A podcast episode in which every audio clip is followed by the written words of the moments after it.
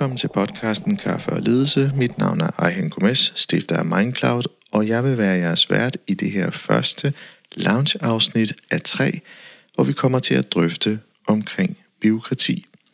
Lounge-afsnittene betyder, at det både bliver streamet i video, som du kan finde på mindcloud.dk, og at det ikke er én, men tre gæster, jeg drøfter I dag er temaet byråkrati, og jeg er teamet op med lektorforfatter Susanne Ekman og tidligere kommunaldirektør og med 21 års erfaring Frank E. Andersen, og sidst og ikke mindst Per Helge, satiriker med til, til det populære show Djøf med løgn, og forfatter til et eksamensprojekt, der har et meget kompliceret navn. ja, velkommen til alle sammen. Tak.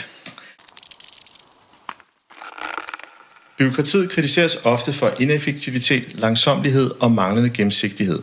Men er der ikke også noget trygt i de rammer for mennesker, der skal bedrive en forvaltningsopgave? Så lad os prøve lige at tage en hurtig runde. Øh, Frank, byråkrati. Hvorfor er det vigtigt at have det? Jamen, byråkrati kan jo bidrage til at skabe retssikkerhed for den enkelte borger i, øh, i øh, vores land, og så er det også med til at øh, udnytte ressourcerne øh, bedre. Øh, Susanne, mm. Men kan det ikke spænde ben for vores accelererede samfunds betingelser? Mm, jo, altså så er spørgsmålet jo, om det bare er nogle betingelser, vi skal indvilge i, eller om der måske også er nogle problematikker i det accelererede samfund. Øhm, og det mere handler om nogle afstemninger af noget stabilitet via byråkrati, og så noget udvikling. Og sidst og ikke mindst, Per, er der noget, vi overser? Jamen det, man overser, når man laver byråkrati, det er jo tit, at dem, der laver reglerne, dem, der laver skemaerne, det der tæ- dem, der tænker, ej, kunne det ikke være fedt, hvis vi lige øh, fik et schema, hvor vi kunne se, om det, det, vi har gang i over for de sociale, om det virker, kunne vi lige ud for udfylde det schema, kunne vi lave en lille proces. Det, man tit overser, det er den tid, der bliver brugt på at udfylde det schema. Mm. Og dem, der får gavnen af skemaet, dem, der får gavnen af byråkratiet, er ikke dem, der bruger tiden på byråkratiet. Mm. Og mange af de diskussioner, vi har og skænderier om, der er for meget dokumentation, eller der ikke er, øh, de stammer fra, at, det, at dem, der skaber byråkratiet, ikke nødvendigvis er dem, som bliver udsat for det. Ja, ja. Og der er jo så mange nuancer i det her, og jeg ved jo, at øh, på forhånd, der sendte de jo det her rammetekst ud, som også blev sådan et debatoplæg, som blev delt på LinkedIn. Og der har været nogle stykker, der har svaret øh, og kommenteret. Og det er lidt interessant nogle gange, så vil man gerne tilkendegive sin mening, ikke offentligt, men via mail. Og, og det er måske også, at, at det her emne også kan have sådan nogle nuancer, hvor man ikke øh, vil, vil stå ved sin mening offentligt. Men det kan vi jo vende tilbage til. Men først, før vi ligesom lige skal komme for godt i gang, så har I jo alle tre fået sådan en plade i hånden. Og, og, og det er jo en lille, lille leg. Øh, og øh, er I klar på den? Yes. Ja, og, og vi skal ikke synge, vi skal ikke det danse, det- vi det er skal, for. I, har fået nogle flotte øh, post-its, som vi skal bruge. Og det, det går ud på, det er, nu skal jeg have vores, øh, vores skærm herovre. Det er, jeg kalder det den byråkratiske skattejagt. Tada! En sjov måde at illustrere byråkratiske udfordringer på er ved at anvende humor. Det kan også hjælpe med at skabe en bevidsthed om kompleksiteten i byråkratiske processer og regler på en sjov og interaktiv måde. Så spillereglerne er, at øh, vi deltager i sådan en byråkratisk dyst om, hvem af jer, der har det mest komplicerede svar. Fedt. Målet er at finde skatten. Ja, ja det, er så, det er så den, der vinder. Ikke? Vi, Ja. vi leger, at vi skal finde en Her skat. er det altså en kæmpe fordel at være forsker, tror jeg. Ja. Ej, altså, jeg er tidlig djøffer. Ja, jeg tror, okay, det, jeg, okay, tror okay, godt, okay. Jeg, jeg kan også godt spille lidt. så, så, så, men, det er skatten, som er dybt begravet i et hav af byråkratiske procedurer og regler. Det handler om at gøre det meget vanskeligt for en bruger af en offentlig service. Jo mere vanskeligt, desto tættere er man på at vinde dysten. Og man fortæller selv i kronologisk orden, som man nu har lyst til. Så det er lidt op til jer selv. Så det vi skal bruge, det er jo så post-it, blyanter og gerne jeres kreative og udforskende sind til at lave de her byråkratiske udfordringer. Så lad os starte med øh, den første. Øh, og, og det er jo forskellige opgaver, så Frank, du har fået den her opgave. Du har fået Arkivlaboranten. Du får en tænkt liste over dokumenter og oplysninger, du skal finde i et stort arkiv. Arkivet er dog uorganiseret og fyldt med besværlige filsystemer. Brug tid på at anmode om adgang til arkivet på den mest komplicerede måde, såsom udfylde papirarbejde for underskrifter for fiktive arkivarer og støde på forhindringer som manglende dokumenter og byråkratiske ventetider. Opgaven for dig, Frank, handler om at argumentere i røgslør i et byråkratisk sprog og unødvendige trin til en fiktiv borger eller medarbejder, det er så efter eget valg. Øh, de skal udføre opgaven i henhold til overdrevne og komplekse procedurer, dokumentationskrav. Ja, det var, det var din opgave. Du får den også på sæd. Sådan. Yes. Og nummer to her, det er til dig, Per. Og øh, jeg kunne ikke lade være. Okay. Så- så- Byråkratisk teleportation. Spændende. Ja. Du skal forestille dig, at du har brug for at teleportere dig fra et sted til et andet. Du får en liste over teleportationsregler, som inkluderer obskure procedurer, som at udfylde teleportationsansøgninger og vente i teleportationskøer. Find på et, en fiktiv teleportationsproces ved at tage skridt som at udfylde ansøgninger, gennemgå sikkerhedsinspektioner og overholde tidsbegrænsninger for en teleportation. Opgaven for dig er faktisk at gøre sproget så nemt og overbevisende som overhovedet muligt i et nutidigt sprogterm. Okay, så sprog skal være nemt, men det skal stadig være kompliceret Ja. at komme afsted. Sådan en science fiction, du faktisk Ja. omsætter til noget, faktisk noget, der kunne være nu. Okay, Ja. det lyder spændende. ja. Åh, oh, Susanne, så er det Ja, dig. kom med det. Så, øh, øh, Susanne, du, du skal arbejde med en byråkratisk gotisk knude, øh, og du står, for en, du står over for en stor tavle med en kompleks beslutningsmatrix. Matrixen består af en række beslutningspunkter, der skal følges for at komme videre. Du skal tage beslutninger ved at følge rækker og kolonner i matricen, der indeholder absurde og tilsyneladende meningsløse valgmuligheder. Øh, Beslutningerne kan omfatte ting som at vælge mellem at vente i kø i tre uger, eller hente en underskrift fra en uidentificerbar myndighed i en fik- fiktiv fjern provins. Opgaven er at gøre den gotiske knude mere kompleks og derved bedre for dysten. Altså, så dealen er, at, at, den, at det gordiske ligesom skal være, at lige meget hvad fanden folk gør her, så ender de i en, endnu en blindgyde. Ja, Så ren Kafka. fuldstændig. Yes. Og, og det, det er til fri øh, fortolkning. Det er øh, Yes. fuldstændig. Og jeg tænker, I har øh, 10 minutter. Alright. Og, øh, og så giver jeg lige sædlerne, så kan I lige øh, tænke Yes. lidt over det. Må vi gå i gang? Ja, ja. Så Okay. cool. Okay. Åh, oh, det er herligt. Altså, tiden er gået. Yes. Øh, Så godt. jeg ved godt, Susanne, sidst vi har lavet den her, nu lavede vi noget med noget modulærvoks, så, ja. Ja. øh, så var du også, øh, der var- gik det også pænt lang tid. Ja, Men, jeg har det som om, vi kun lige er begyndt. ja, og jeg synes det også er helt særligt med, med, med den måde, du har sat dig op på. Du har sådan også klippet i post-hitsene. Ja. Ja, det, det glæder jeg mig til at høre. Og... Ja, ja, ja, ja men altså, gordisk knude, det kræver. Ja. jo noget grafik. Ja. Det må man sige. Jeg har i hvert fald nyt at sidde og i stillhed og bare sidde og observere jer. Men uh, lad, os, lad os komme i gang. Frank, du var jo uh, den første, der fik den her arkivlaborant. Ja. Og ja, du slår bare løs. Uh, Jamen, jeg har tænkt, at jeg som topchef øh, anmoder om noget fra det her arkiv. Og øh, det, jeg anmoder om, det er en øh, GDPR-godkendt oversigt over arkivsager fra 1952 til 1978. Vedrørende sundhedsaktiviteter før og efter kommunalreformen i 1973.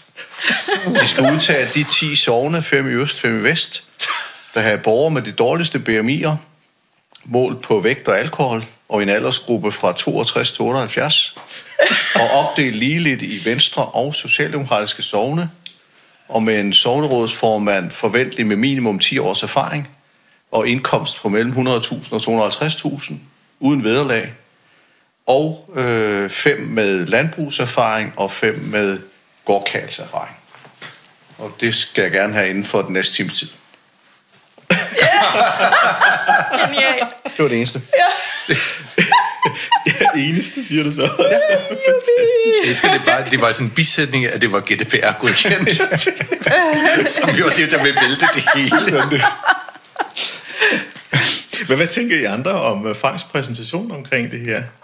Jeg, jeg tænker, at det gad jeg virkelig godt sende til, øh, hvad hedder, den, hvad hedder det der kontor, der skal give en øh, sådan nogle tilladelser, om man må bygge en karnap og sådan noget? Ja, en byggesagstilladelse. Ja. ja. ja.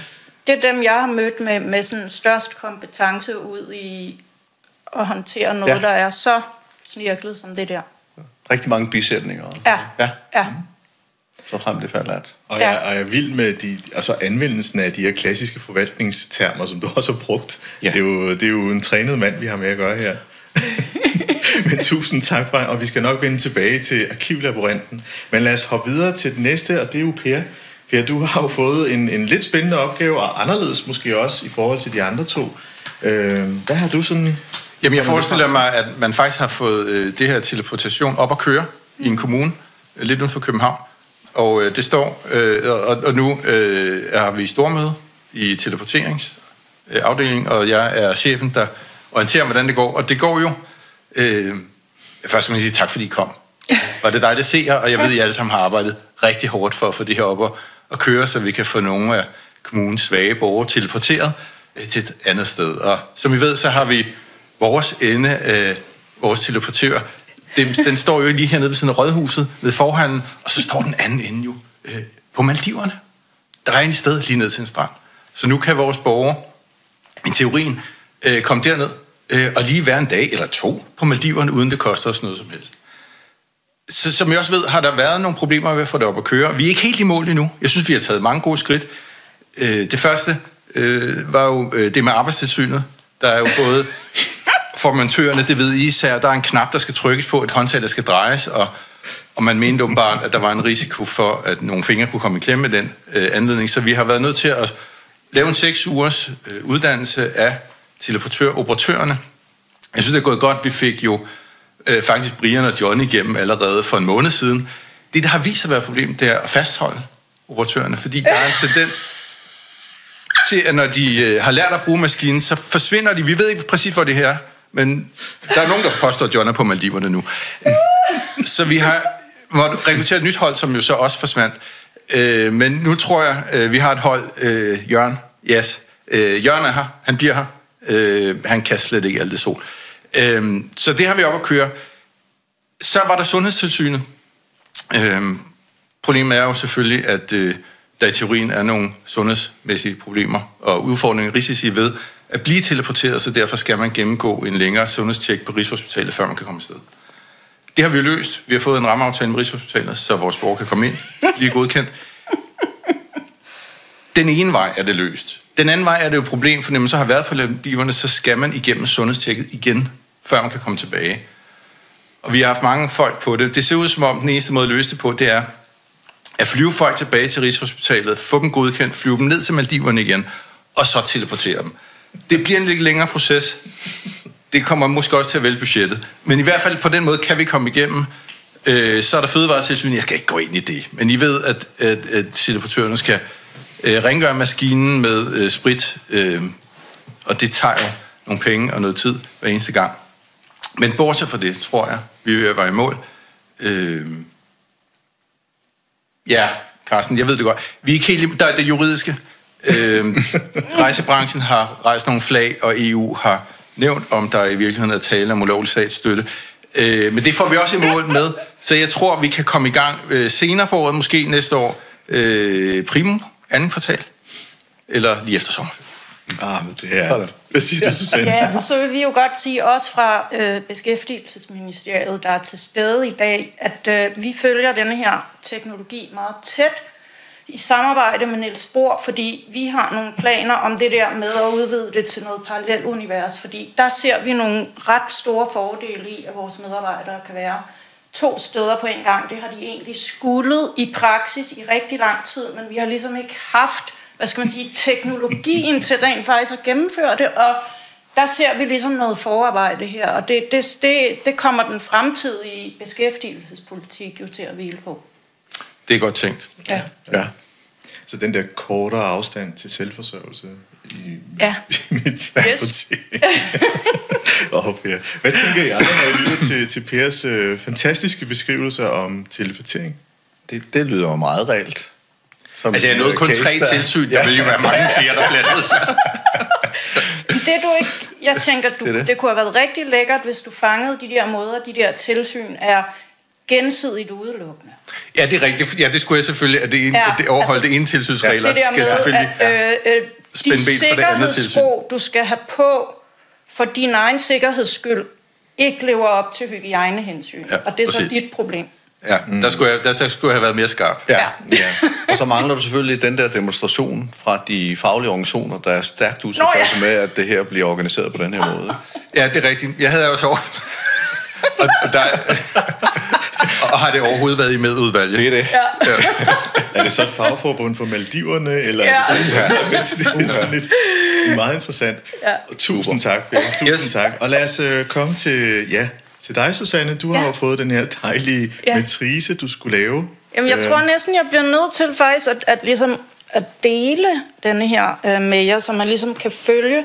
Det er jo en beslutningsproces. Det, det er en vejledning i forhold til at træffe relevante beslutninger ude i praksis. Det er så noget, som øh, man øh, øh, i forvaltningen der med, med folkeskoler har siddet og hjulpet.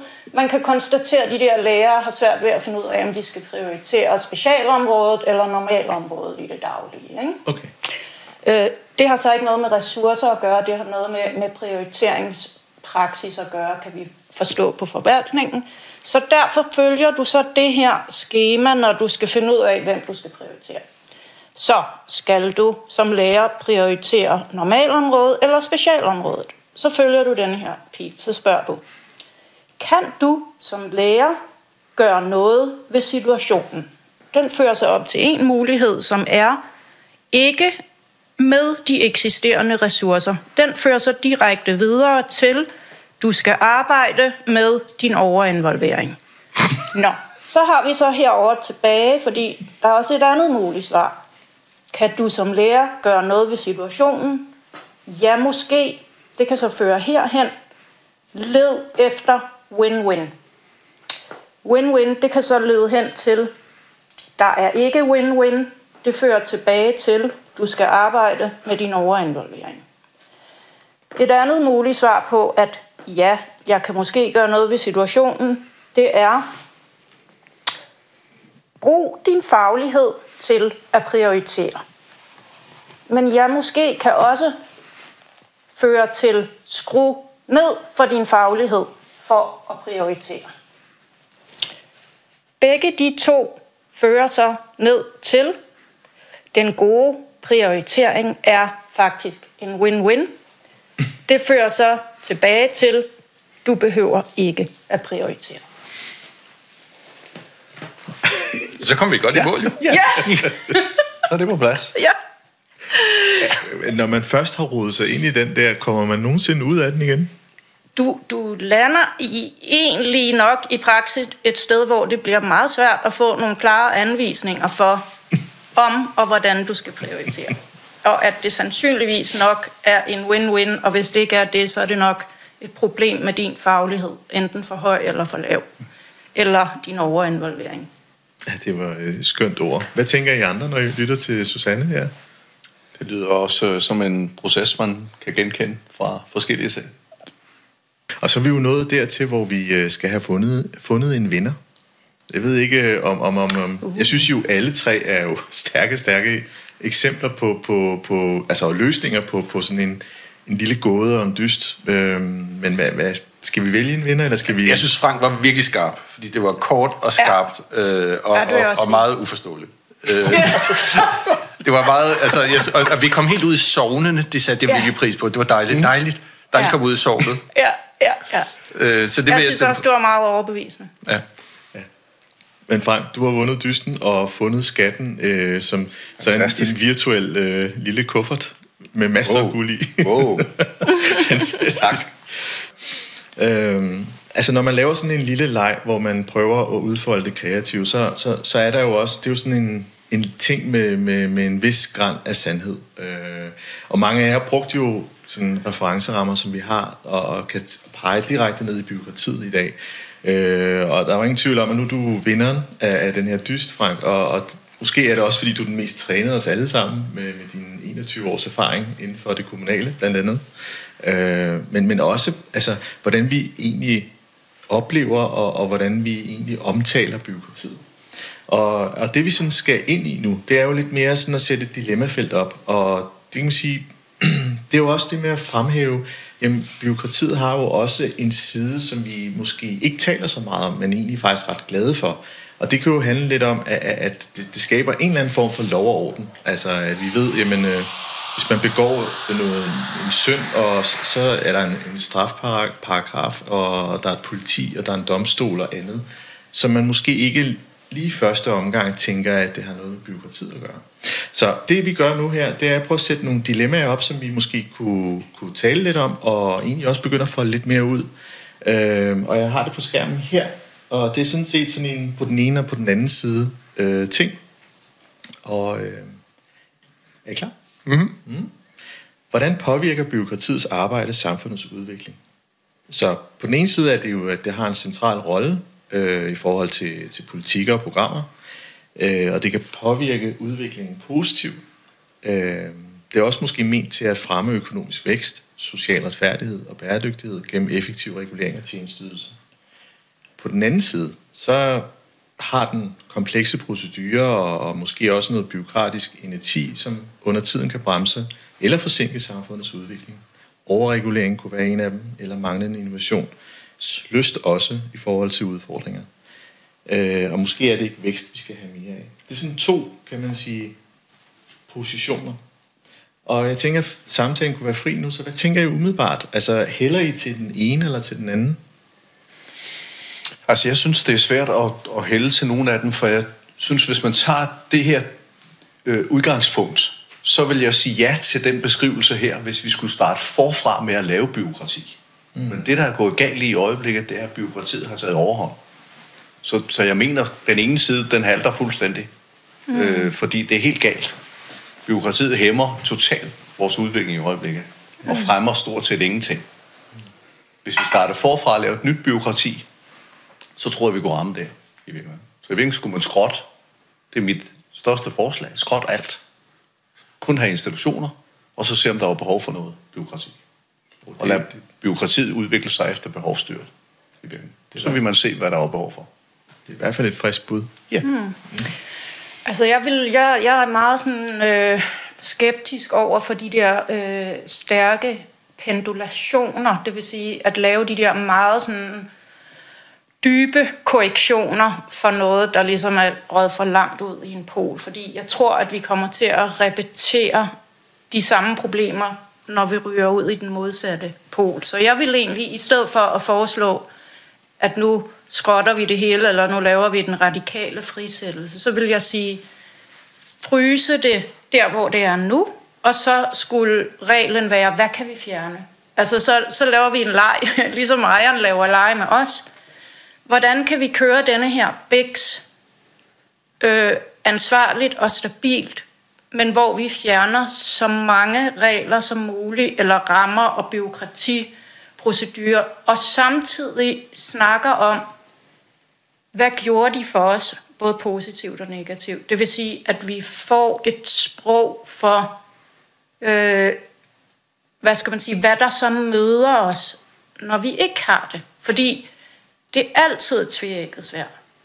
Og det vil sige, når man snakker med medarbejdere, som egentlig i bund og grund hader byråkrati, ikke? og som for eksempel har sygeplejersker, der har hadet nogle af de der akkrediteringsprocesser, de har skulle være igennem, mm. øh, har følt sig gjort til små brækker i sådan et eller andet øh, øh, øh, spil, der i virkeligheden fjerner deres faglige dømmekraft.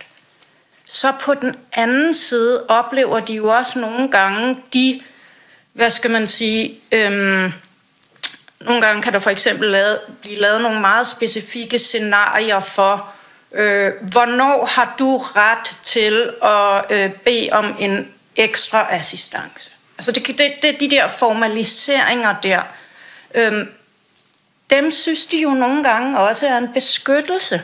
Ikke? Selvom det fjerner noget flydende dømmekraft i situationen, fordi du skal følge proceduren, så bliver det også det, du kan henvise til for at håndhæve din ret nogle gange.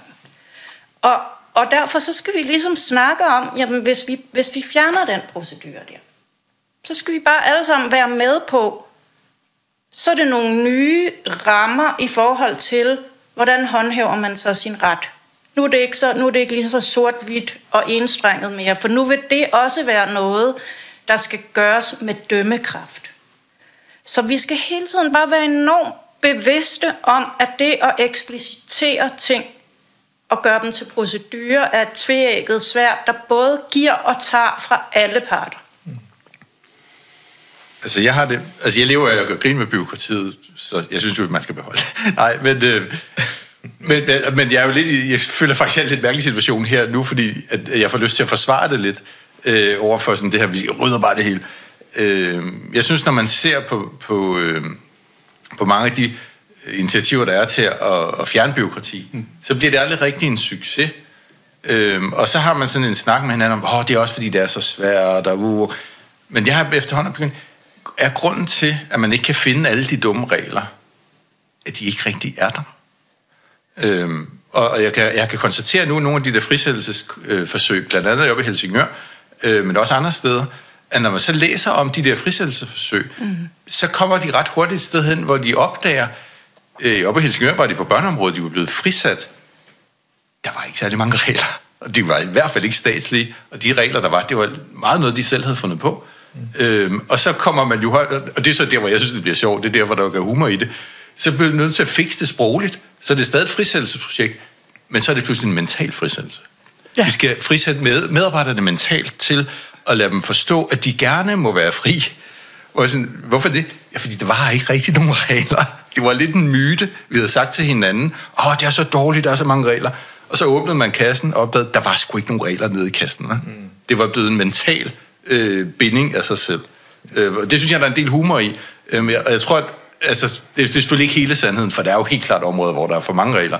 Men der er altså også en helt sted i den offentlige sektor, hvor den her fortælling om det onde byråkrati har fået så meget magt, at det er blevet en undskyldning for ikke at lave mm. ting op. Mm. Og når man så lige, og, og, og efter min mening er det en af grundene til, at de der afbyråkratiseringsprocesser altid strander, det er, at man overviser, at nu skal vi afskaffe alle de mange regler. Og når man så undersøger det, hmm, så er det bare aldrig særlig mange. Mm. Ja, ja, altså du markerede, Susanne. Ja, ja og jeg, jeg tænker, er det i virkeligheden byråkratiet, der er roden til alt ondt, eller er det vores ambitionsniveau for den offentlige sektor? Øh, det vil sige, er det i virkeligheden alle de ting, vi gerne vil, for den mængde penge, vi har tilsidesat til det. Ikke? Øh, og, og jeg er måske nok tilbøjelig til at se byråkratiet som noget, der bliver sat på en ekstremt ur, urjærspost øh, i vores velfærdssystem, øh, som er at prøve at få det til at se ud, som om det er bæredygtigt. At vi vil dobbelt så meget, som det vi egentlig kan med de ressourcer, vi sætter af til det. Og så er det nemt at blive sur på byråkratiet, fordi det virker som om, det er det, der hele tiden gør, at vi alle sammen bliver frustreret i, i vores oplevelser af rettigheder og muligheder og alt det der. Men jeg tror, vi skal have et spadestik dybere og sige, er vi overhovedet villige til at betale det, det koster, hvis vi skal have så meget. og hvis vi ikke er villige til det, skal vi så måske have noget mindre, og så kan det være, at vi kan give byråkratiet lov til at forvalte inden for nogle mere realistiske rammer. Øhm. Men, men jeg, er da, altså jeg er enig med, med Per i det der. Jeg, jeg har jo været i det. Øh, jeg var i Gentofte, da det første frikommuneforsøg kom. Ja. Og der var reglen jo, at man skulle øh, dels finde ud af, hvad man ville lave som frikommune, og så skulle man finde ud af, det kunne vi sådan set hurtigt finde ud af, hvad vi gerne ville. Og det andet, det skulle man finde en lovgivning, man vil fritages for. Og det voldte os kolossale problemer. For vi kunne simpelthen ikke finde, hvorhen der stod i loven, at vi ikke måtte gøre det, vi gerne ville gøre i virkeligheden. Ja. Du har fuldstændig ret, det er der. Og det gør jo også, at man skal kigge på, hvorfor er der nogen ledere og medarbejdere i det system, vi har i dag, der godt kan få ting til at ske. Selv under de her stramme regler. Ja. Så er det ikke nødvendigvis reglerne. Men jeg vil sige, det er heller ikke sikkert, det er byråkratiet, øh, men jeg tror, der er en, en ånd og en kultur, som vi skal pille ved, og der er ikke mindst, synes jeg, nogle ledelsesmæssige ting, vi skal have lavet om på. Fordi når folk render og siger, at det er så frygteligt kompliceret, så er det jo kun kompliceret inde på Christiansborg og i byrådssalen. Det er jo ikke mere kompliceret for den enkelte medarbejder øh, dernede. Problemet er, at vi overkomplicerer ved at lægge det for højt i vores system, mm. og vi blander os i for mange ting detaljeret. Prøv at kigge, hvad vi bruger af tid på at lave årets finanslov. Og hvad kommer der ud af det? Det er marginalt, vi flytter. Mm. 98 kommuner, 5 regioner laver budgetten gang, en gang om året, mm. og bruger ufattelig meget tid på det, og flytter marginalt. Det eneste, de ikke kigger på, det er, hvad bruger vi de penge til, der findes i forvejen i virkeligheden. Mm. Min påstand vil være, der mangler ikke penge i den offentlige sektor. Mm. Men måden, vi anvender den på, er gået helt galt. Hvis du, jeg har ja. lavet øvelse i Slagelse, hvor man starter med på et område, på skoleområdet, og siger, hvis du starter ude hos lærerne, I får alle de timer, I vil have. Og så finder vi ud af, hvad det koster. Og det, der er tilbage, det bruger vi til byråkrati. I dag gør vi det modsatte. Vi starter med at finde ud af, hvad koster byråkratiet, og så finder vi ud af, hvor mange sociohjælpere, hvor mange lærere, hvor mange pædagoger er der så råd til, og det er dem, vi sparer på. Jamen, jeg tror, der er jo så en vores faktor, systematik du glemmer er simpelthen der. forkert, ikke? Jeg tror, der er en faktor, du glemmer der, som er, at et, et velfærdssystem altid har en, hvad skal man sige, kronisk vækst i forventninger. Det vil sige, at, at alle øh, aktørerne, egentlig både medarbejderne og dem, der bruger velfærdssystemet, hele tiden gerne vil have mere. Og det vil sige, at hvis du ikke... Så det der med, hvad er penge nok?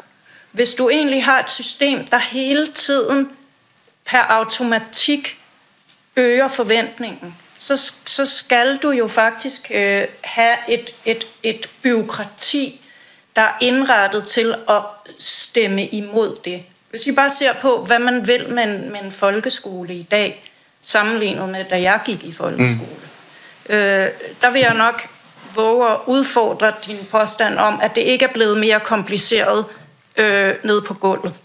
Øh, jeg tror, det er blevet ubegribeligt meget mere kompliceret at være folkeskolelærer i dag. Det tror jeg ikke. Jamen, det tror jeg i jeg forhold det. til... Jeg har været der, og jeg, jeg er inde i det der område rigtig, rigtig godt, vil jeg bare sige på skoleområdet. Fordi det, det, der er kompliceret for læreren, det er jo det, som politikerne har sagt, læreren skal lave. Nå, Hvis jo, man men nu lå læreren selv og sagde til, til læreren, prøv at høre, du skal sørge for, at de her børn får den største selvværd, og de bliver så fagligt dygtige, som de kan. Så lad os prøve at se, hvad de så gjorde. Men, men det er jo Nå, også jo, vigtigt, men- altså det er jo præcis den diskussion, ikke? Ja. Den der frisættelse. Øh, det er vel der det hele, altså det er i hvert fald en vigtig del af diskussionen, mm, ikke? Fordi som jeg oplevede det, en af grundene til, at vi fik den type byråkrati, vi fik lærings, øh, målstyret læring, mm. øh, og vi fik sådan procesbeskrivelser mm. for mange opgaver ude i sundhedssystemet eller mm. i ældresektoren, det var jo en mistillid. Lad os nu være ærlige. Der lå jo en mistillid, og der lå jo øh, for eksempel i Finansministeriet en enorm mistillid til ja. folkeskolelærerne. Man synes, de var dogne. Mm. Øhm, og det var de jo også, nogle af dem. Ja. Og så var der nogle af dem, der var skide dygtige. Og det kunne man ikke rigtig leve med, mm. at man havde en gruppe lærere, hvor nogle af dem virkelig knoklede igennem og var super dygtige, og så var der nogen, mm. som engang i tidens morgen havde fået lov til at blive skolebibliotekar, og så lavede de sgu ikke rigtig noget, vel? Øhm, og hele den der mistillid, mm. den er vi nødt til at sige, okay, tør vi det? Tør vi rulle det tilbage? Mm. Vi, tør vi give øh, den frontlinjemedarbejderne fri og sige, yes, øh, vi vil ikke styre jer så tæt længere. Det tror jeg er en rigtig vigtig diskussion, om man faktisk tør det. Øh, om man, også med den risiko, der vil være for, at hvis man lader sosuerne eller øh, hjemmesygeplejerskerne selv bestemme, hvor meget service der skal gives, har vi så styr på budgetterne. Men det, det er i hvert fald ikke det, jeg siger. Nej. Men det, jeg siger, det er, at det, vi laver nu, det er, at vi detaljstyrer, i stedet mm. for, at vi formålstyrer. Fordi hvis man inden for Christiansborg bestemmer, hvor mange timer der skal være, ma- matematiktimer der skal være i 8. klasse i Sønder Magle, så detaljstyrer man. Hvis man derimod siger, som god ledelse er, de skal være så så dygtige til matematik. Det er jo der forskellen Jo, er. Ja, ja, jo, det var altså det, man kom at ned. Derfor er ledelses, ledelses øh, måden er simpelthen gået galt, Jo, fordi det man detaljstyrer i stedet for. Ikke? Det er jo ikke kun detaljstyring. Det er jo også, at man hele tiden vil skrue op for alle faktorerne på én gang. Så selv hvis du kun formålstyrer, men både vil have, at de nu kan konkurrere med kineserne på matematik, at de skal mere ud i det omkringliggende samfund, at vi skal have mere bevægelse, at lærerne skal være der længere, at vi skal have mere øh, diversificeret øh, undervisning, mm. at vi skal inkludere specialområdet, mm. at vi skal have øh, væk fra øh, øh, skolebordet undervisning, at vi skal have tværfaglighed, mm. og jeg kunne blive ved. Hvis det er de overordnede ambitioner for skolen, selv hvis man ikke detaljstyrer. Det er detaljstyring. Det vil jeg påstå er detaljstyring. Hold du fingrene væk. Sig, hvad I vil opnå. Jamen, de, vil jo, der- de vil jo Jeg er opnå enig, alt Per. det. Jo, men jeg tror, jeg, altså, jeg tror, vi er sådan set meget enige, ikke? Fordi jeg er helt, altså, jeg er helt, jeg, altså, ideelt set, så burde man jo dybest set slet ikke ja, have styring på den måde. Man burde jo have ledelse, Præcis. som alle jo også er enige om, ikke? Ja. Men ingen tør, når det kommer til stykket, at sige, jamen prøv at høre, vi skal slet ikke detaljstyre den måde, altså antallet af timer, eller antallet af møder, man holder med de ledige, eller problemet er, at det er jo bare så nemt at styre på proces, ikke? Ja. Det var jo derfor, man endte med at gøre det. Er så nemt at sige, de skal have fem Enig. bad, eller der skal holdes tre møder, eller der skal være så mange matematiktimer. Men det ideelle vil jo helt klart være at sige, som du siger, brede overordnede mål, gode skoleledere, hvis vi nu er i Ja. skolen, ikke? Ja. Øh, og lærere, Jo, som også gerne altså- vil ledes. Men må jeg ikke Øh, gerne lige... Jeg bliver frustreret, fordi jeg synes ikke, at vi griber fat i det, der handler om, at, at der også er noget af det her, der er, at vi vil have sindssygt meget. Så de der brede, overordnede Hvem er mål, vi? Hvem er vi? Det er sådan set, Det er politikerne. det er os alle sammen. Nej. Ja, det kan jeg love dig for, det er. Så Jeg det, har været der jo. Jo, men jeg jo har forsket i det, Ja, så- ja. det, men jeg, men jeg har er jo tæt på borgerne. Altså, Så- det, det er jo ikke rigtigt. Det er politikerne, der finder på det. Jo, men, men, men, men prøv at fjerne noget som helst i folkeskolen og se, hvad forældrene gør. Så hver gang man prøver at fjerne noget, så er der jo nogle, nogle krænkede parter. Men, men må jeg gerne gribe ind her, fordi jeg synes, det er en virkelig, virkelig spændende øh, drøftelse, også fordi der kommer nogle kanter på nu, og det mm. kan jeg egentlig godt lide. Der er også i jeres samtale et spørgsmål om tillid. Per, du, du markerer det her med tillid i forhold til at, at, øh, at slippe det løs, og, og, og gå ind og lave, kan man sige, micromanagement på, hvornår er man en succesfuld skolelærer eller en sosu-medhjælper. Og, og, og Frank, det du egentlig også peger på her, det er jo, at, at hvis de er og, og passer deres arbejde, så er det ikke særlig kompliceret. Det er mere det, der kommer oppefra og ned, som jeg forstår dig. Øhm, så så til, til spørgsmålet, I peger på, er tillid. Det du så siger, Susanne, det er jo, at, at vi som samfund har vendet os til, at det offentlige sk- skal levere mere over tid. Mm. At, at vi forventer mere af dem. Ja, og at Og- og- vi forstår diversificering af ydelser som øget trivsel. Ja. Og det tror jeg er et paradigme, vi er nødt til at, at reflektere kritisk over. Men, men så, men, Må, ja, må jeg godt sige, at, at bare for at jeg får Ja. min forståelse ud af det her, det er, jeg tror, at det vi gør i øjeblikket, det opfylder færre borgers behov. Det tror jeg med også. den måde, vi gør det på. Ja. Ved, at, ved at være tydeligere i hovedretningen, give større frihed til, så vil vi kunne opfylde flere borgers. Det er vi enige om. Fordi vi har standardiseret vores ydelser. Helt enige. Alle ældre skal have bad hver 14. dag. Alle børn skal have så mange matematiktimer. I stedet for at kigge på, øh, hvad er det, de har behov for. Og den, der kan træffe den beslutning, det er den, der er tættest på borgeren. Mm-hmm. Det gør ikke, at man ikke skal sige, hvad vil vi have som politikere. Både i Folketinget og byrådssalen. Men man skal frisætte. En frisættelse, det, det bliver defineret helt forkert i øjeblikket. Men det, det handler om noget andet. Hvis man taler frisættelse for at give dem råderum, dem der er tættest på borgerne, så vil man kunne opfylde flere behov. I øjeblikket er der 10 procent i Danmark af skoleelever, der går ud af 9. klasse, der ikke kan få to i dansk matematik. Når man går i den danske folkeskole, har man gået 10.000 timer i skole. Hvis det ikke skriger til himlen, så ved jeg ikke hvad. Det er helt galt. Okay, ja. fordi det, det, vi skal, det, det, vi skal røre ved her, det, der er tydeligt, der er, der er nogle fronter her, også i vores drøftelser. Jeg, jeg kan også godt introducere min egen synsning i forhold til byråkratiet, for jeg har jo trods alt også været i det offentlige, og, og min oplevelse er, at når man som jeg har stået i spidsen for en ungeindsats, hvor det handlede om at skabe en meningsfuld indsats for en enkelt ung, så gik man ind og ændrede på betingelserne for, hvordan man forvalter. Det vil sige, man tog noget siloopdelt og prøvede at lave noget matrix i midten. Det det også betød, det blev, at, at øh, for den medarbejder, der skulle løfte den her komplekse opgave, blev for kompliceret. Mm. At det var flere lovgivninger, de skulle, de skulle færdes omkring. Mm. Der var også nogle lovgivninger, der var deciderede modsætninger. Mm. Der gjorde faktisk, at det var svært at rekruttere nyuddannede til at løfte den opgave. Yes. Så kunne det også være i forlængelse af det, du siger, Susanne, at mere vil have mere, og vi vil have hurtigere respons, vi vil have transparente organisationer, mm. og, og derved også, at politikerne ikke føler, at de er tilfredse med det, de ser, og det, de kan måle på. Det er sådan en public management-stil. Mm. At vi måske, øh, og så samtidig med, at, at vi så også har fået færre penge til det. Og så strammer vi bare spændeskiven mere og mere ind, mm. så, så produktet bliver dårligere. Så for, altså, hensigterne fejler ikke noget. Det er mere, at vi giver ikke plads til det. Altså, jeg, jeg er i tvivl om, om vi i virkeligheden, apropos det Per også sagde tidligere, man, man, man begynder sådan at sige, så kommer man også sige, at der er, mange, der er få penge, og vi mangler penge og sådan noget. Det Nej, bliver sådan et, det øh, et mantra. Nej, nej, det, det er jo sådan et mantra øh, at sige det.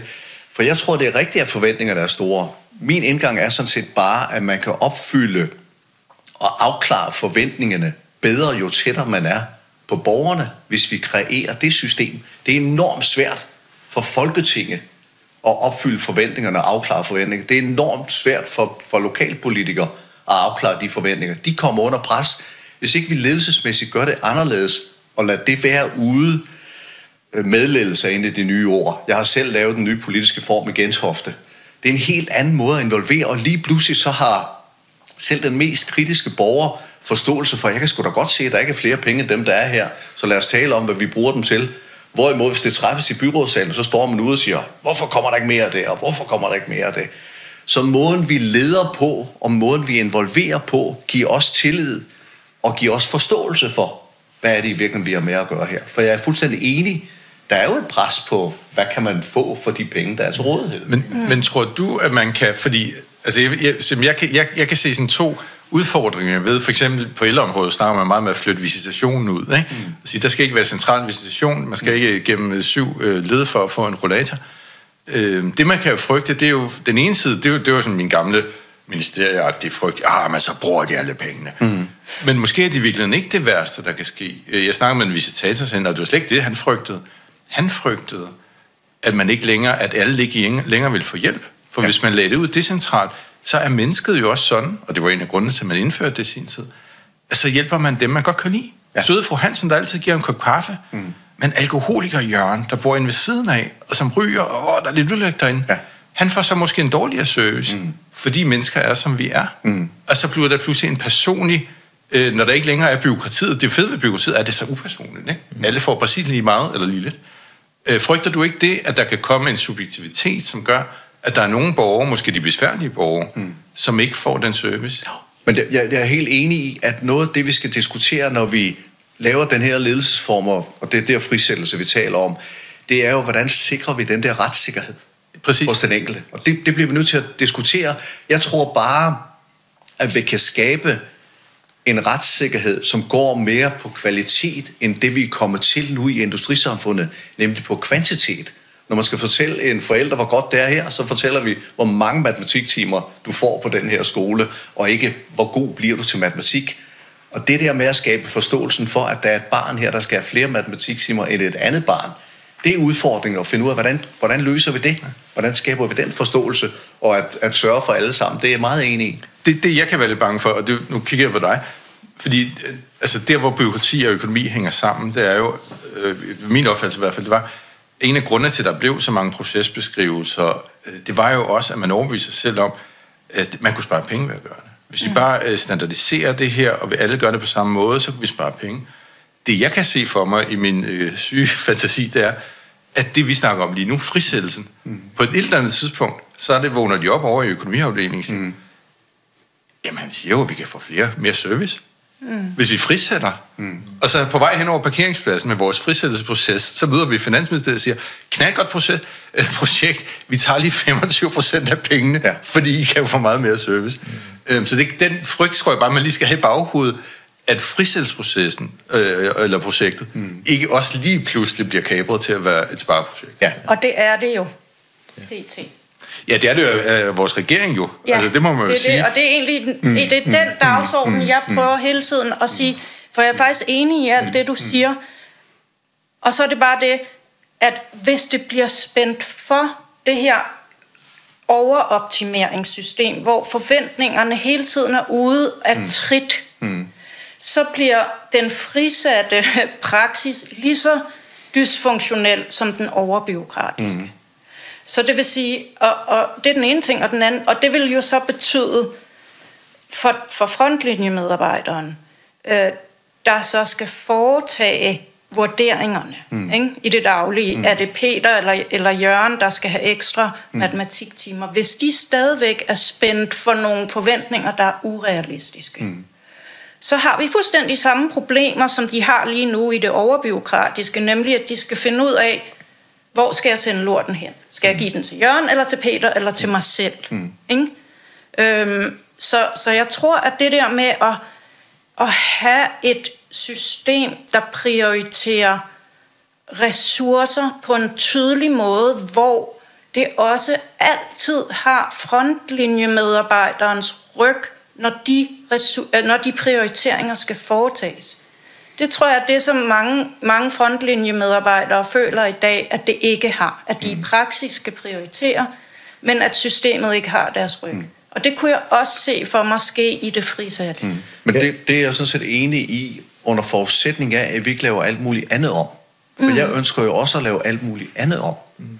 Jeg ønsker jo også, at skolebestyrelsen, ikke kun som det er i dag, kan bestemme, hvor garderobeskabet skal stå i 3. klasse, men de også er med inde i prioriteringen. Mm. Så en del af forældrene er inde i prioriteringen. God idé. Mm. Og er med til at træffe de beslutninger, der yes. er. Så de har det inde under huden, fordi det, jeg har erfaring fra Gentofte, er, hvis man tror, de klogeste er placeret, det er ikke rart at sige som djøffer, hvis man tror, de klogeste er placeret på rådhuset, så tager man fejl. Der findes faktisk nogle borgere, som godt kan bidrage yes. med kvalitetsudvikling. Så det at ændre demokratiet mm. til ikke at kun være de folkevalgte, de har ansvaret. Mm. De skal prioritere i sidste ende, men at inddrage for at se, om man kan få mere ud øh, af tingene i virkeligheden. Det tror jeg er min forudsætning for, ellers har du ret, øh, at det kan lade sig gøre at skubbe noget mere ud, og ture og lægge prioriteringen tættere på borgerne i virkeligheden. Og det øh. synes jeg er en virkelig god idé, det der med, fordi det, det tænker jeg netop kunne pille nogle af borgernes sådan, hvad skal man sige, lidt halvt afmægtige, halvt øh, mm. berettigelsesramte mm. position i dag, som også handler om ikke at være medansvarlig mm. eller medinddraget. Mm. Ikke? Så det, det er netop det der med at få os alle sammen ind i et maskinrum, der taler om svære prioriteringer mm. og have medejerskab mm. på det. Ikke? Mm. Men må, må jeg så ikke gribe ind her, fordi I, I tager faktisk også fat i det næste dilemma. Det er jo faktisk... Øh... Undskyld, vi er utrolig effektive. Vi er foran dagsordenen. Nej, men jeg, jeg, jeg, for I taler faktisk meget ind i de forskellige synsninger og de, de dilemmaer, fordi det er lidt den samme, kan man sige, suppe. Øh, fordi det vi egentlig også taler om, og det er faktisk også det, du egentlig øh, fortæller lidt, det er den her det, det designet, øh, om, om vi har organiseret os rigtigt som mennesker i forbindelse med, med den byråkratiske setup. Øh, det, det, som, det, som jeg egentlig også hører dig sige, Susanne, det er jo, at det, som det er i dag, er ikke nutidigt. Og det er egentlig det, der bringer mit næste dilemma frem, det er jo, at hvis vi har sådan noget som en, den grønne omstilling og bæredygtighed og hvad der ellers er, så kan man så sige, jamen, øh, så har vi et apparat, der så skal på bedste vis til gode se alle ligeligt, og ikke tage hensyn, som Per siger, at, at var det alkoholiker Jørgen, med al respekt. Nu kommer han til at hedde Jørgen. Ja, ja, så det er så fint at, at han ikke bliver øh, forfordelt, eller ikke forfordelt i hvert fald. Men, men det her, det presser på. Mm. Og så, øh, så har vi en ung pige fra Sverige, der råber og skriger ind i et, en, en struktur. Er det så ikke her, hvor byråkratiet så skal reformeres? Mm. Som du måske også mm. siger et eller andet sted. Mm. mm. Hvad tænker I? Altså det, det du spørger os om, det er om, om byråkratiet er for stift til at udvikle sig ja, i, i, i den hastighed, som vores samfund skal udvikle sig? Ja, det er sgu et godt spørgsmål. Altså, på, på nogle måder er jo byråkratiet jo sindssygt effektivt. Altså et eller andet sted, ikke? Hvis, hvis vi tror, så kunne byråkratiet jo i morgen beslutte. Mm. Øh, altså ja, jeg har en datter, øh, der har madkundskab. Mm. De laver mad med kød hele tiden. Mm. Hvorfor gør de det? Mm. Er, er, er det et madmuseum? Altså skal de lave mad ligesom øh, hendes bedstemor? Eller hendes oldemor? Hvorfor lærer de ikke? Hvorfor siger vi ikke bare, at al madkundskab skal handle om at lære den næste generation at lave grøn mad? Jeg ved godt, det vil være sindssygt upopulært at blive slået ihjel, øh, ved at sige det højt. Men der kunne byråkratiet være sind- det er jo sindssygt effektivt. Det kan vi bare beslutte. Bum, i morgen vil det være ført ud i livet. Altså, det er jo bagsiden, mm. eller forsiden af den mm. medaljen om, mm. hvor meget vi kan styre lærerne. Ikke? Mm. Der skal simpelthen ikke være noget kød i madkundskab. Jeg ved godt, det var et rammeskrig, mm. og der blev alt muligt ballade, ikke? Mm. Men, men byråkratiet kan jo, altså, det må man jo sige, byråkratiet er jo sindssygt dygtigt til forandring, mm. øh, hvis man bare beslutter det. Så jeg, vil, jeg, vil, jeg, jeg er ikke sådan, jeg siger ikke, byråkrati er ikke det modsatte af at være innovativ. Byråkrati kan jo også være en metode til virkelig at rulle forandringer ud, hvis vi tør. Ja, for du peger jo faktisk på, om vi som samfund og individer faktisk er modne nok til den transformation. Altså tør vi at slippe det?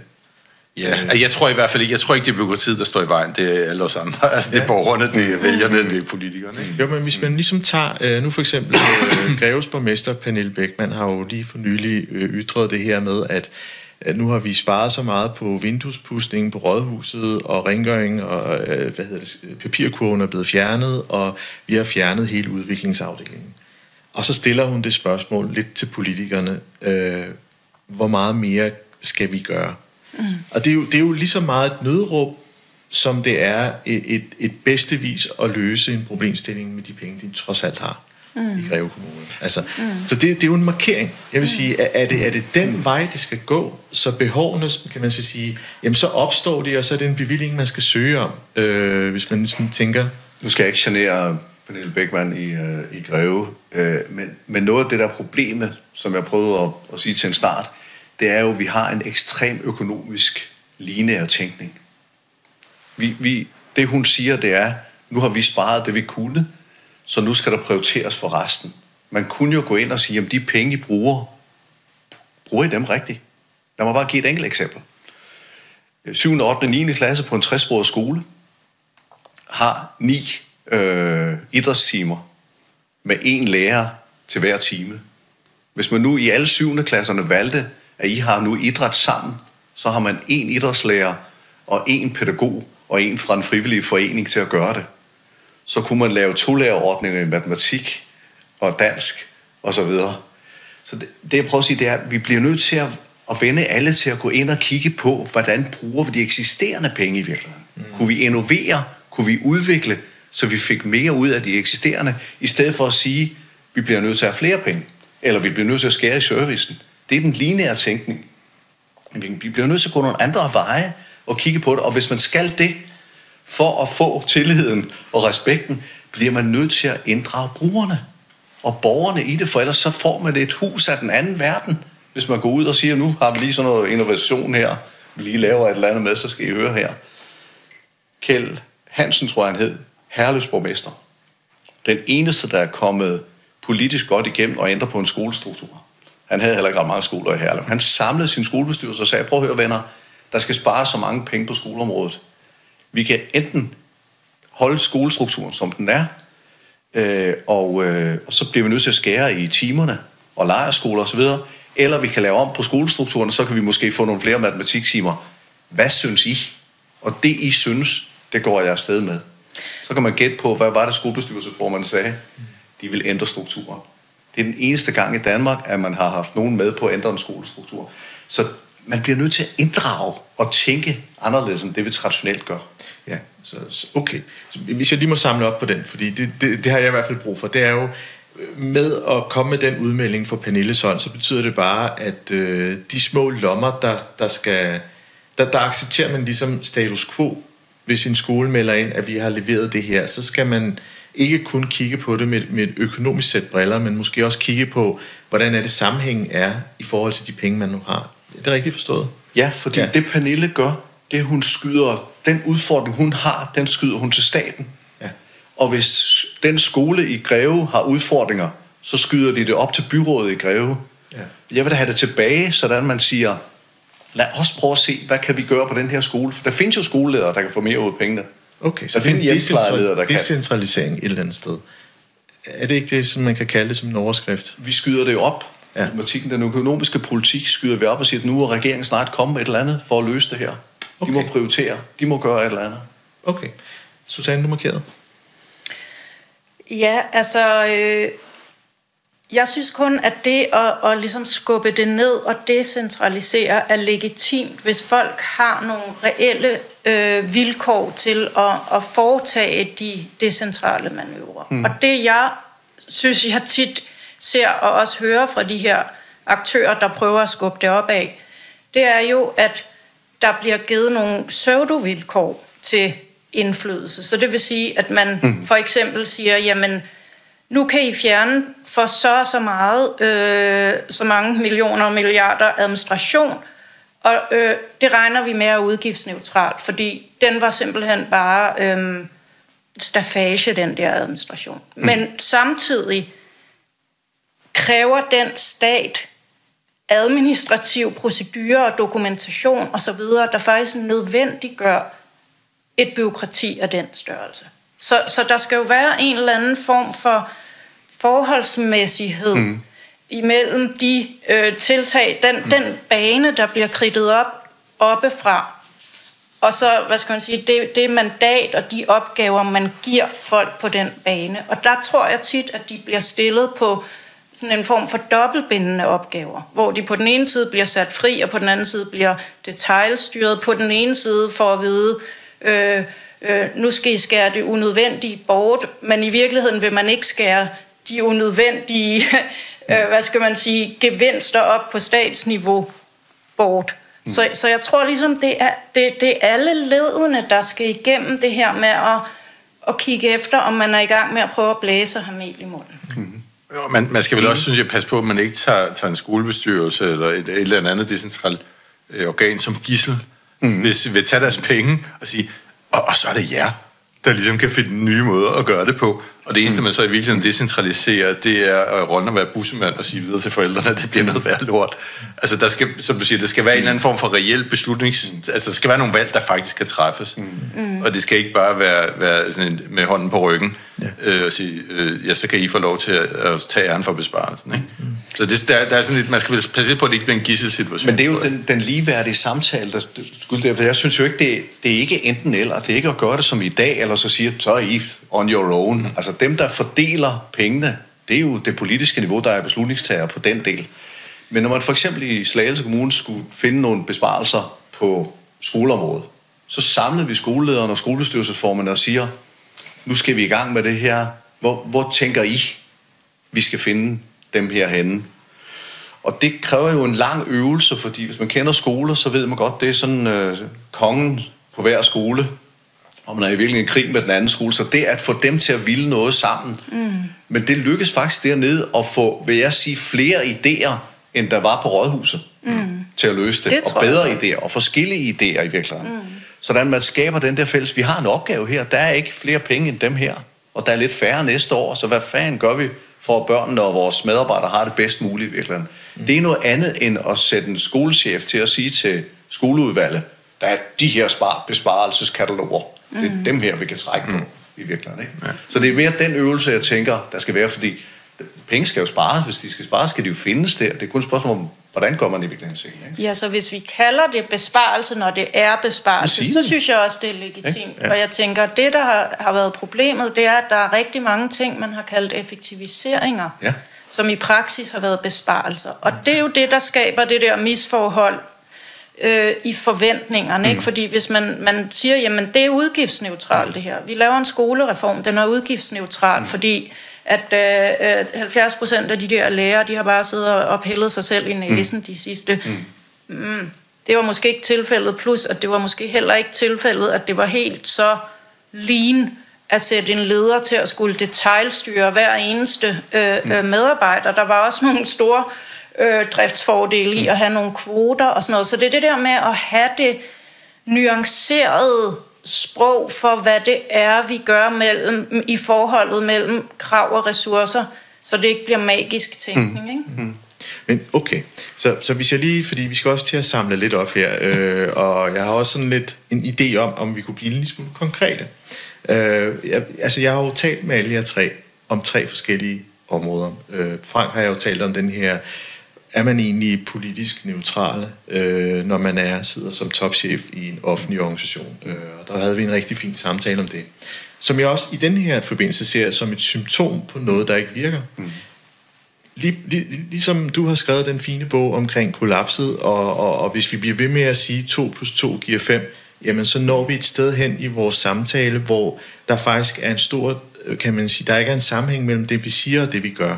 Og det var en af de sådan, kerne øh, øh, altså budskaber, jeg kan huske i hvert fald, som vi også brugte og lø- prøvede at løse i to afsnit, hvor yeah.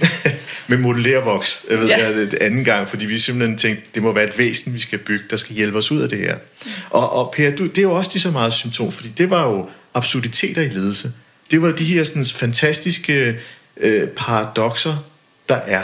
Altså, øhm, jeg tror, vi havde det her eksempel med øh, kaffemaskinen, hvor, hvor der stod, må ikke røres, øh, kan ikke tåle sprit, og før du overhovedet må bruge den, så skal du spritte af. Og, og, og hvor vi så i samtalen sagde, at det er jo to enheder, der faktisk på bedste vis prøver at løse en opgave, men når de så bliver tænkt sammen, så det er jo et paradoks. Det kan ikke lade sig gøre, man kan ikke få kaffe. Så, så, så tag ligesom de samtaler lidt i, uh, ind i, i det her rum. Mm. Ku, kunne vi så pege på, skal vi, skal vi starte fra bunden af og bare sige en streg i sandet og sige, vi starter forfra, hvilket kan være angstprovokerende bare for mig i hvert fald at tænke på, men det er et frisk bud.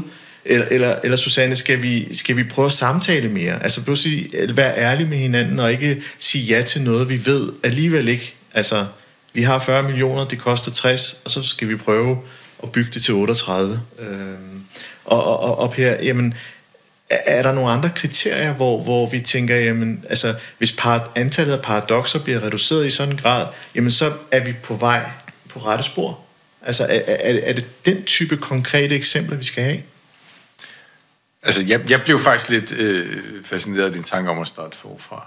Øhm, fordi, og, og jeg har selv lidt haft tanken, måske fordi jeg har haft øh, et barn, der er gået fra en folkeskole til en friskole. Mm. Øhm, og, jeg har også haft øh, børn, som har været i kommunale institutioner over for selvejende institutioner. Og, og nogle gange har jeg sådan, hvorfor? Altså, hvorfor laver vi ikke bare alle folkeskolerne til friskoler? Hvorfor laver vi ikke bare alle institutioner til selvejende institutioner? Mm. Fordi, at der er en energi. Mm. Og, så, der, og der er forældre med altså mm. med ansvar. Mm. Øh, der er jo altså også lidt flere penge nogle gange, ikke? Men, øh, men stadigvæk ikke. Der er bare nogle af de der steder, er der en helt anden energi, og, og en anden kultur, og en anden følelse af, at vi er sammen om at få løftet det her. Øh, og, det, og, det, og jeg tror ikke, det, det er sikkert ikke den vej, vi skal, men, men måske kunne man godt, altså ja. den der tanke om at sige, jamen, åh, lad os rydde alt det der gamle lort, og den der ensretning, og alle de der regler, og sige, mm lav en fed skole. Mm. Det har man jo lyst til nogle gange. Mm. Ikke? Og så, ved, og så må vi så bare acceptere, at nogle af de skoler bliver dårlige, fordi det er kikset. Mm. Men tænk, hvor gode nogle af dem også kunne være. Ikke? Mm. Så, så jeg er lidt... Øh, jeg ved ikke, om det svarer dit spørgsmål, Nej. men jeg blev... Altså, jeg kan godt lidt... Og, og så også den der tanke om, er vi sikre på alle de der ting, vi gør? Altså, der skal være en times... Altså nogle af de der små fag, man har i folkeskolen, ikke? Mm. så har de en time idræt på en anden skole derovre, hvor de bruger øh, halvdelen af tiden på at komme derover. Mm. Drop det dog. Mm. Altså, mm. Og så må jeg sige til politikerne på Christiansborg, hold op med at bestemme, hvor mange timer der skal være. Mm. Altså, det, jeg, kunne, jeg, jeg er på. Jeg, jeg, mm. jeg kunne støtte ja, det. Jeg tror, det kunne blive mm. tusind blomster ville blomstre. Øh, er det nok et dårligt eksempel. men, men, men alligevel. Ja. Men har det ikke været sådan en gang? Altså, har det ikke været... Jeg kan da huske som barn, at, at, at der var der plads til den type udskejelser, og vi lavede ikke nationaltest, og mm. altså, der var en helt anden tone, samtidig med, at pædagogen også ringede til mine forældre og sagde, nu har I bare tilmeldt ejeren til det her øh, sociale event, fordi øh, din søn er blandt de tre, der mangler, og skældte mine forældre ud, mm. og, og mine forældre tænkte, ja, selvfølgelig, det må vi hellere få gjort. Mm. Så der er jo også i vores, vores samtale med hinanden, der er også noget, der skulle kigges på, måske. Men jeg, altså, jeg tror, Per sagde det til, at der, der, er også, der er også noget godt i, i uh, byråkratiet, og jeg synes, altså jeg er, jo, jeg er jo kæmpe fan af New Public Management. Det er simpelthen det værste, jeg kan sige, når jeg er ude og holde foredrag, fordi folk tænker, idiot. uh, men i virkeligheden var situationen jo den før New Public Management, at vi som embedsfolk ikke rigtig kunne forklare, hvad pengene gik til. vi vidste ikke, for det, det var sådan hapsi flap, det klarer jeg, eller... Så New Public Management har gjort rigtig meget godt, synes jeg, og byråkratiet har gjort det. Jeg synes bare, det har taget overhånd, og noget af den frihed, noget af den menneskelige ressource, den har vi fået kvalt. Den energi, der jo er i vores samfund, den har vi simpelthen fået kvalt, og den skal vi frisætte et eller andet sted. Øh, I stedet har jeg sådan en tanke om, at i virkeligheden kan man sige, at dem, der skal tale sammen, det er jo det politiske niveau og det udførende niveau. Men der er sådan set fem niveauer indimellem i dag i en kommune. Så hver gang du laver budgetopfølgning, ja. så er det igennem fem niveauer og fem niveauer tilbage igen og vi ikke kunne drømme om at skubbe dem ud til siden og prøve at sige, det eneste, I skal, det er at facilitere samarbejde. Fuldstændig ja. enig. Ikke? Så politikeren kommer ud i den virkelige verden og yes. ser, hvad det er. Taler med den virkelige verden, taler med skolelederne. Der skal mm. ikke stå en skolechef og en forvaltningschef og en kommunaldirektør og fortælle, hvad de mener, dem derude, og så får i gennemsnitstallet. Så det er den konstruktion, jeg tror, vi skal have arbejdet med. Og så er jeg fuldstændig enig i den der energi. Jeg har tit drillet vores kommunale skoleledere og sagt, hvis du går ud til en privatskole, og skolelederen vender sig om så kan han ikke se nogen. Der er ikke en skolechef, der er ikke en forvaltningsdirektør, der er ikke et rådhus, der er ikke... De må sgu da ikke kunne klare sig. Hvordan delen kan de klare sig? når de ikke har dem her. Så kan vi ikke lære noget af dem, i stedet for at vi synes, de er en modpart, så prøv at sige, hvad er det, de gør, som de får meget ud af mm. øh, i virkeligheden. Ikke? Ja, Susanne? Ja, jeg vil bare lige indskyde, fordi jeg er nogle gange også kommet for skade at sige det her nogle gange, når jeg har været ude og, og holde foredrag. Øh, blandt andet, at jeg har set en meget dejlig øh, dokumentarfilm om et selvejet øh, øh, plejehjem, som jeg var meget øh, inspireret af, hvor, hvor det netop havde den der helt særlige ånd, og det er jo et grundlagt af en, af en kvinde, hvis far gik til grunde på et kommunalt plejehjem. Øhm, og der synes jeg, det svar, jeg får fra dem, der arbejder i det kommunale, det er, jamen, altså, det er simpelthen ikke de samme rammer, mm. de får.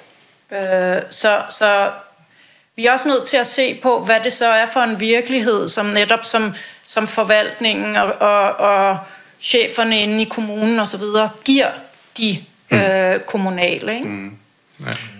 Men, men jeg tror også, man skal passe på, at det ikke må blive en, en undskyldning, for eksempel. Mm. Altså, hvis du tager sådan en, en, en almindelig træsporet skole i det kommunale, så taler vi øh, en, et budget på en 55-60 øh, millioner om året. De er lønsomstyret, og de har overførelsesret. Og alligevel har jeg oplevet rigtig mange, hvor der er kommet et ønske til budgetforhandlingerne om øh, 230.000, som vi gerne vil have til det her. Øh, og der kan man sige, hvorfor, hvis I har overførselsret, så har jeg altså 120 millioner at gøre godt med. Hvor fanden kan I ikke finde 230.000 til den der kunstgræsbane, mm. øh, I gerne vil lave der? Så der, og det er det, jeg tror, vi skal skubbe på. Det er lige så meget et kulturspørgsmål, der siger, hvorfor gør I ikke noget ved det? Reagerer du på det, I ser? Mm. Så de må fyre en anden øh, af, så er det, vi holder udviklingssamtale en gang om året. Øh, en skoleleder kan hurtigt have 50 udviklingssamtaler. Og jeg har mødt rigtig mange skoleledere, der siger, fuh, ja, nu er jeg færdig med det her år. Det vil sige, at vi afvikler udviklingssamtaler. Mm, ja. Hvorfor er der ikke nogen skoleleder, der siger, det vil jeg fandme ikke finde mig ind. Jeg holder fra nu af, hvis vi ikke, mine medarbejdere kan blive enige med mig, så bruger vi ikke tid på de der udviklingssamtaler, så konstruerer vi det på en anden vis mm. i virkeligheden. Så du får feedback kontinuerligt på en eller anden måde. Vi bliver nødt til at gøre op med nogle ting. Vi bliver nødt til at sige, hvorfor det? Mm. Hvorfor gør vi det her? Hvorfor render vi over på den der skole der? I stedet for at sige, det er fordi, det har kommunalbestyrelsen besluttet, at vi skal, eller Folketinget, eller, eller gør noget ved det. Og det er jo en introduktion af noget kritisk tænkning. At stille sig op og stille sig imod øh, en mainstream-oplevelse og sige, hey, undskyld, hvorfor er det, vi gør det her? Hvorfor er det, vi øh, skal holde mus på den, i det format? Øh, og måske identificere de her rum, hvor, hvor magi mangler. Altså noget, vi ikke glæder os til mere. Mm. Altså, det, det, trods alt også at anerkende, at det er mennesker, og det er drevet af menneskers energi på den måde. Ikke? Øh, altså, jeg kan også sige, vi har også fået nogle, øh, vi har fået tre indspark. Spændende. ja. Øh, I kan godt høre, at der er total struktur på den i dag, ikke? Yes. Åh, oh, Gud. Øh, Linda skriver, Måske skulle vi lære lidt af en forenings måde at bedrive meningsgivende opgaveløsninger på øh, kontekst er ikke beskrevet, så jeg tænker, er der noget i foreningsverden, hvordan vi har konstrueret den type organisation, som man kan introducere i et byråkratisk setup i en forvaltning? Jo, men det, og det er vel det, vi snakker om dybest set, ikke? Fordi foreningen har, er altså selvdrivende og med sit eget ansvar. Øhm, så, så jeg tror i virkeligheden, det er jo meget det, den vej, vi vil. Øh, men på sjovt nok, i det øjeblik, hun siger forening, så får jeg også tanken om alle de ting, der kan gå galt, mm. når man lader, lader borgere selv stå med et ansvar. Ikke? Mm. For, for hun har jeg været i mange foreninger, hvor der er blevet holdt mange møder om meget små ting. Mm. Så øh, bare min andelsboligforening. Ikke? Øh, så, så, så ja, på godt og ondt. Øh, lad os tænke det mere som en forening. Mm. Altså, der er jo lavet en hel del forskning om, øh, hvad der sker med, når, når sådan hierarkiske, byråkratiske organisationer overgår til at blive selvstyrende organisationer. Ikke? Øhm, og man kan sige, jamen altså, uanset om du er selvstyrende, det vil sige frisat, eller, eller skal styre igennem noget, der ikke er, er hvad skal man sige, hierarkiet, øhm, eller om du er et byråkrati, så står du med de samme spændingsforhold, du skal håndtere. Så du skal, du skal håndtere et forhold mellem noget stabilitet og noget udvikling. Du skal he, håndtere et forhold mellem proces og output. Uh, du skal håndtere et forhold omkring, uh, hvad skal man sige, princippet for, hvordan vi belønner og aflønner. Mm. Der er nogle sådan grundproblematikker, når man vil lave organisation, der er der, uanset hvad for et system man benytter sig af. Og jeg tror, det der kan være faren, når vi laver korrektioner, altså når noget er blevet dysfunktionelt, og vi så vil hoppe over i det andet, det er, at vi glemmer, det, det er spændingsforholdet, uanset om du er her eller her. Så det er i virkeligheden, om vi har skruet de der dimensioner rigtigt op imod hinanden, snarere end at skulle vælge imellem dem. Ikke? Og det er alt. Altså, så det vil sige, for eksempel forholdet mellem styring og frisættelse. Mm. Den spænding er inde i byråkratiet. Den spænding er i det frisatte. Mm. Det er ikke sådan et enten eller. Og det vil sige, noget af det, vi så kan se, når folk er blevet frisat, det er, at så får de en...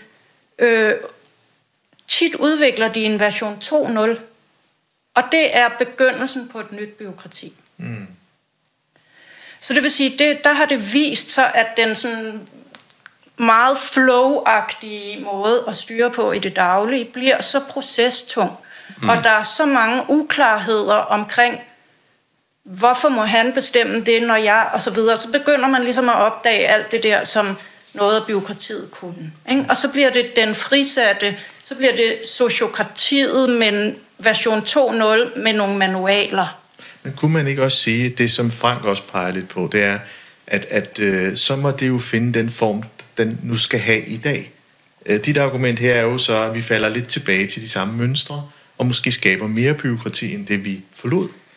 Nej, mit, mit, min pointe er, at hvis vi ikke hele tiden ser den organisatoriske opgave som et spørgsmål om at håndtere en konstant spænding mellem nogle, nogle ting, der skal stå sådan her. Hvis det bliver overstyret i den ene eller den anden retning, så er det lige dysfunktionelt. Det organisationer skal kunne holde ud, det er, at spændingen er levende. Ja. Jeg synes, det, det er super spændende, det du siger. Ja. Øhm, altså, altså, altså det, det sætter i gang i mit hoved, det er jo det her med, øh, også jeg gik på universitetet under den gamle styrelseslov, som jo, altså, hvor der var meget lidt styring. Ikke? Mm. Øhm, og, og kan man sige, den konflikt, der er i enhver organisation på enhver arbejdsplads, øh, mellem øh, hvor meget skal den enkelte arbejde, hvor meget skal man levere, mm. på hvilket niveau, og så en ledelse, der har, der har et ønske om, der arbejdes meget og leveres på et højt niveau, og mennesket, der jo er dovent og har lyst til at lave det, man selv synes er spændende på et niveau, som mm. passer med ens privatliv, den forsvinder jo ikke af at fjerne øh, byråkratiet eller modsyng, så bliver det måske bare i stedet en konflikt mellem medarbejderne. Hvor nogle arbejder mere og synes, at Jørgen ja. arbejder for lidt. Nu det Jørgen igen. Øh, og så efter et stykke tid bliver man sindssygt træt af, at der ikke er, nogen, der ikke er noget byråkrati. Ja. Fordi i stedet bliver det jo meget personlige, ubehagelige ja. diskussioner. Ikke? Jo. Øhm, og det kan degenerere helt, som jeg helt ærligt synes, universiteterne var, øh, da jeg gik mm-hmm. der mhm. i, i slut 80'erne og start 90'erne. Så, så det er en fed pointe, synes jeg, at uh, der er nogle konflikter på vores arbejdsplads i vores samfund, som bare skal løses. Øh, og de skal løses ved, at vi ved, at de aldrig bliver endegyldigt løst, men at organisationens opgave er at have et apparatur til igen og igen og igen at intervenere og facilitere i de der tilbagevendende spændinger. Ja. Men jeg forstår godt de dilemmaer, jeg forstår også godt, men jeg synes, det vi nu ser i øjeblikket, jeg kan bare nævne øh, Mette Ågaards nye bog om medledelse, som jeg selv har haft en ansat nede i Slagelse. Det handler jo om, at vi, det kan ikke hjælpe, at vi giver op på, at det vi har nu ikke virker, og hvis vi hopper herover, så virker det heller ikke. Vi bliver nødt til at have ambitionen om at finde løsningen imellem de to, for det er jeg fuldstændig enig i. Og der er jo konstruktioner nu, sociokrati kan også nogle ting, som vi ikke har set før. Mm. Og i virkeligheden lægge ned i, ikke bare skubbe det ud til en medarbejder og sige, on your own, og så bliver der ballade derude, og så laver vi det om om nogle år. Nej, vi skubber ud, hvis vi ved, hvad det er for en systematik. Og der er jo altid et hierarki. Der er jo altid styring. Der er jo altid ledelsesformer i det, vi laver. Vi skal bare være dygtige til at kreere, hvordan skal de se ud nu? Og hvad er det, vi har lært af, af det, vi kommer fra, og det, vi er på vej hen imod? Jeg tror, der er masser af mulighed for at organisere os anderledes, end det vi traditionelt øh, har gjort. Og der tror jeg også, at byråkratiet får en ny spændende plads i det, for det skal jo være der i en eller anden øh, form, men vi bliver nødt til at nytænke det, hvis vi synes, det er en barriere for udvikling i øjeblikket. Ja, og, og uh, at tiden flyver. Fordi det er faktisk det, måske Heidi her mener. Det er jo, at det handler ikke om aftalte arbejdsgange, men mere om indstilling. Så, mm. så, så det har jo også noget med menneskerne i de systemer, der er. Jeg synes, du pegede lidt ind på det her med, vi vil jo gerne gøre det, vi har lyst til. Er, er det et, et nyt fænomen, eller eksisterede det også for 30 år siden? At, øh, eller var det på det tidspunkt var det lidt mere en pligt, mere end det var en lyst. Og, altså, der er jo de her dimensioner, som er de menneskelige aspekter. Øh, og, og hvis jeg også lige må tage den sidste, for vi skal til at runde af, så skriver Troels, øh, som er faktisk den eneste, der har skrevet på LinkedIn. Øh, de andre to har sendt en mail, hvilket er lidt interessant. Så er en døffer. Lad os høre. Jamen, men, men det er jo egentlig interessant, fordi det, er, der, er der en eller anden tabu-ting? Altså, må man ikke sige sin mening mere, fordi det er imod mainstream, eller hvad det er? Men, men uh, Tol skriver i hvert fald uh, en paneldrøftelse om en iboende magtasymmetri, der lever mellem ledere og medarbejdere, og hvad man kan gøre, eller bør gøre, for at øge eller mindske den. Jeg synes, vi har været jeg siger det igen, den. han er dyrfer. Ja. du, jeg elsker hans sprog. En iboende magt af sygepisteri. De er ja. altså godt, det er godt gået, Rose. så, så, så djøffer kan godt stå ved deres mening om det er flot. og ja. de andre to. Ja, så, så jeg, jeg tænker, hvis vi sådan kan tage sådan en afrundende runde, inden vi slutter af, så, så øh, ja, Frank, vil du starte? Jamen, jamen jeg synes jo, at, øh, at det er vigtigt at tale om, øh, om det her. Og jeg tror, at øh, byråkratiet jo øh, skal moderniseres, men jeg tror, der er nogle helt andre vigtige ting på spil. Det er jo måden, vi har samfundet på, måden, vi har grundlæggende antagelser på i virkeligheden. Det bliver vi nødt til at pushe noget mere. Så bliver vi nødt til at have en ambition om, at vi kan få mere ud af pengene. For, for alternativ til det, det ser rigtig skidt ud med de udfordringer, vi står over på manglende arbejdskraft og presseøkonomi. Vi bliver nødt til at være ambition, øh, ambitiøse på samfundets vegne. Jeg tror, der findes kolossalt mange værdier, og jeg synes, jeg har oplevet det, at der findes mange værdier. Vi skal bare ture at bringe dem i spil, og vi skal også ture nogle gange gå ud øh, der, hvor der opstår fejl mm. i virkeligheden. For hvis vi hele tiden vil sikre os med byråkrati på, at der aldrig sker fejl, mm. så kommer vi ingen vegne i virkeligheden. Mm. Så du, du taler for den eksplorative rejse? Ja. ja. Jamen, jeg synes, det er en spændende snak, det der med øh, mere for pengene. Øh, og der vil jeg, altså, jeg, jeg er jo enig med dig i, at man ikke sådan skal læne sig tilbage i sådan en, øh, hvad skal man sige, bare slippe det, slippe det fri til, til dogenskab og så videre. Men, men jeg er også meget bekymret for den der sådan overoptimering, pseudo-effektiviseringstendens. Så jeg tror egentlig, at vores opgave også er at få øje på, og det, det lyder sådan øh, meget klichéagtigt det her, men, men hvordan mindre nogle gange er mere. Øh, så det vil sige, at den der tendens til at ville have mere i form af sådan diversitet, kompleksitet, knopskydning, øh, alle sådan nogle ting i ydelserne. så man siger, nogle gange, hvis vi, hvis vi fjerner noget af al den kompleksitet, og det der så er tilbage er en eller anden form for mere øh, regulært nærvær, så tror jeg, at det kan være mere. Men det, det, det, det, har, det, det er vi dårlige til at måle og udtrykke i øh, kvalitetsindikatorer, mm. det der. Så, mm. så, så jeg tror, vi skal have en, en stor snak om, hvad betyder mere? Måske skal vi sige bedre? Ja, bedre, eller, eller at sige, jamen altså, hvis det her skal være godt, så er vi altså nødt til at mm. undvære mm. det her. Mm. Og tak til dig, Susanne. Øh, per? Ja, altså med far for at sige ting, som jeg lige om lidt vil gøre grin med i nogle af mine shows. det er jo problemet, når man sidder og skal være konstruktiv og sige noget klogt. Øhm, altså, så jeg tror virkelig på potentialet i, i, i frisættelse. Det gør jeg faktisk. Og jeg synes, der er kommet nogle spændende øh, tanker faktisk frem her i dag. Ikke? Øh, jeg tror bare, at man skal være voldsomt varsom med at tro, at der ligger en kæmpe besparelse i det. Og, og, og jeg synes, det er... Altså, jeg, jeg, jeg er sådan lidt nærmest rystet over, at vi har en regering, der mener, at man bare kan spare, hvad er det, 3,5 milliarder på administration på, på kommunen? Fordi det er jo præcis den tænkning, som du, Susanne, kritiserer. Det er den der drømmetænkningen. Mm. Øh, jamen, nu lader vi som om, vi kan spare 3,5 milliarder, så tager vi pengene. Må så ikke de spare dem? Jo, det gør de, ved at folk løber hurtigere og går ned med stress. Øhm, så så at, at frisættelsen er blevet koblet med, altså med akademikerbashing og de der forestillinger om de der besparelser, det gør mig meget træt. Men hvis vi lige glemmer det en del af det, så tror jeg virkelig på potentialet i mere frihed, mindre styring, og altså jeg hader at sige det, ikke mindre styring, mere ledelse. Åh oh, gud. Men, men det er jo rigtigt, mm. selvom det også er en frygtelig kliché. Ja, også en lidt politisk statement, ikke? Jeg tror, Mette Frederiksen har sagt det, ikke? Nå, okay. Og så var det jo allerede... så, så, så, så, så, KL har lige skrevet det i går. Ja. ja, eller så, så, så er det jo allerede så træt, ikke? Så, så Ja. ved man, nu er, det, nu er det bare ord, nu er det ikke længere noget, man kan bruge til noget. Men i hvert fald, så synes jeg, det har været en rigtig, rigtig spændende øh, samtale, og jeg synes også, vi kom meget rundt. Øh, og jeg synes også, vi kom noget, der kunne ligne noget, der var konkret. Dog ikke sådan håndgribeligt konkret, men i hvert fald bud på, hvor man kunne starte. Øh, så jeg vil sige tusind tak til, til dig, Susanne, øh, og Frank og Per. Og jeg synes, det var en anderledes drøftelse, og jeg, det her det er jo så en af de øh, et af tre specielle lounge-udgaver af Kaffe og Ledelse, og, og i næste afsnit, så taler vi om maskulinitet i ledelse, og i det tredje afsnit, der taler vi om, hvem den her sociale bæredygtige leder er. Hmm. Tak fordi du lyttede med, og tusind tak for, for I deltog. Velkommen. Tak fordi vi måtte.